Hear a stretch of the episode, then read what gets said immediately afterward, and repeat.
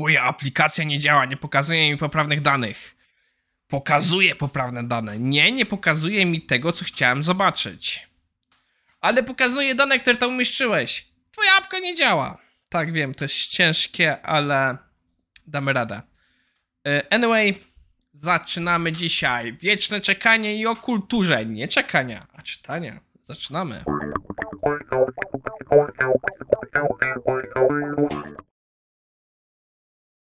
Herbata jaśminowa. W sumie nie mam dużo do powiedzenia, więc czas zacząć element. e, Twój element. Artykuł. Ym, naszym pierwszym artykułem jest dyskusja na temat wiecznego czekania, a dokładnie trochę na temat y, test persona. Autor jest, artykuł jest napisany przez Paula Grizzaffitti. Jest to dość znany automatyk, architekt i on opowiada o swoich przygodach z Nintendo Switch i dwoma bliźniakami, którzy mają po 7 lat. Gdzie wpierw grali, wcześniej nie ma napisane jakie to są gry i w pierwszym wypadku jestem prawie pewien, że to jest Mario Kart. Nie mam pojęcia, co to jest za druga gra, o której oni mówią. W każdym razie Mario Kart weszło bardzo łatwo, bo jest bardzo intuicyjnie, ale druga gra em, już nie tak fajnie. Dlaczego? Bo okazuje się, że to było jakieś chyba RPG i musieli stworzyć swo- swoje postacie. E, No i e, pierwszemu dziecku zajęło to 30 minut, a drugiemu 20-30 minut. No i oczywiście już dzieciaki się w tym czasie bardzo niecierpliwiły.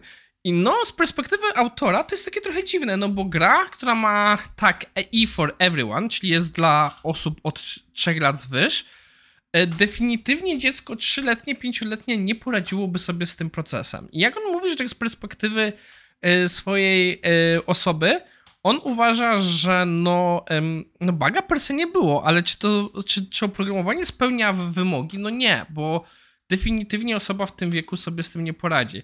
I on podał takie trzy przykłady tego, co nie spełnia wymagań. Po pierwsze, że no było to za długo jak na małe dzieci.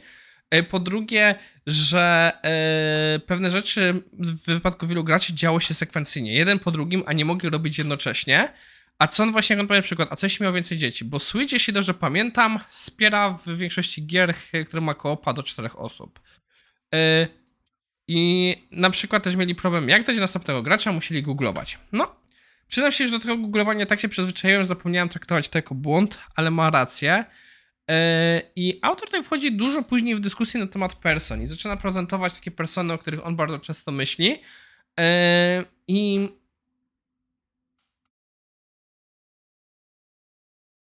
Przepraszam, zamyśliłem się.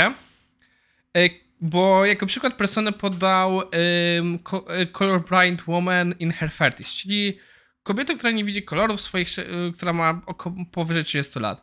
I przyznam się szczerze, zamyśliłem się, bo zdawało mi się, że k- bycie colorblind to jest rodzaj daltonizmu, że daltonizm to jest chyba choroba, którą mogą chorować tylko mężczyźni, ale przyznam się szczerze, nie jestem aż tak pewien, więc nie będę się wdawał w dyskusję, ale napiszcie w komentarzach, czy, czy y, kobiety mogą by mieć ślepotę barwną? Czy, czy ślepota barwna i daltonizm to są może dwie różne choroby, ja po prostu je niepotrzebnie łączę. Dobra, nieważne. W każdym razie autor dyskusuje o tym, że warto mieć w głowie paru person, jak się testuje. Ja nauczyłem się korzystać z person, gdy pracowałem w JetShopie, bo mieli tam trzy persony. Już o nich nieraz mówiłem, że była modern businesswoman, był po prostu taki artystyczny hipster i była starsza pani, która nie za bardzo kumała technologię. I te persony bardzo mi pomagały, gdy patrzyłem na pewne feature'y i pewne rzeczy testowałem, żeby patrzeć z tych różnych perspektyw, czy one na pewno działają. Więc persony są ok. I na przykład tutaj jest przykład tego, że w wypadku zabawek i tak dalej, no ta persona tego dziecka też może być ważna. Em, więc warto o tym pamiętać. Nasz kolejny artykuł e, jest em, bardzo ciekawą dyskusją na temat kulturze pisania i czytania. Autor bardzo mówi tutaj na temat rzeczy, jest to niekompletna lista, a jak wiecie, Wrodek lubi listy. Rzeczy, które mu się podobają o firmach, które mają kulturę czytania i pisania. E, Bardzo zaczyna od tego, że po pierwsze, informacja jest wtedy łatwiej do znalezienia, bo jednak jest gdzieś ut- ut- utrwalona, więc nie jest potrzebny aż tak wielki tribal knowledge sharing. Po drugie, coś, z czym ja się nie jestem pewien, czy w pełni się zgadzam, ale podnosi to poprzeczkę jakości. Tutaj nie jestem pewien. Z jednej strony się zgodzę, bo napisanie czegoś e, wymaga jednak przemyślenia niż, e, niż wypowiedzenia. Poza tym e, też co fajnie zaznaczył, że pisanie jest demokratyczne, że każdy może za, z, każdy, kto ma dostęp, może zmodyfikować, zaktualizować i co jest najważniejsze, o wiele lepiej skaluje się dzielenie wiedzą na formie pisanej niż ustnej. E, no i parę jeszcze innych rzeczy, które on wymienia. Pewnie się z nim zgadzam, to są bardzo ciekawe spojrzenia. Ja lubię pisać, ja lubię przelewać swoje myśli na papier. Lubię mapy myśli, bo no, trochę pewne rzeczy ciężko mi charakter ułożyć flow, ale jestem też fanem spisywania rzeczy, więc mi się bardzo ten artykuł podoba, bardzo do mnie przemawia i warto o tym pomyśleć.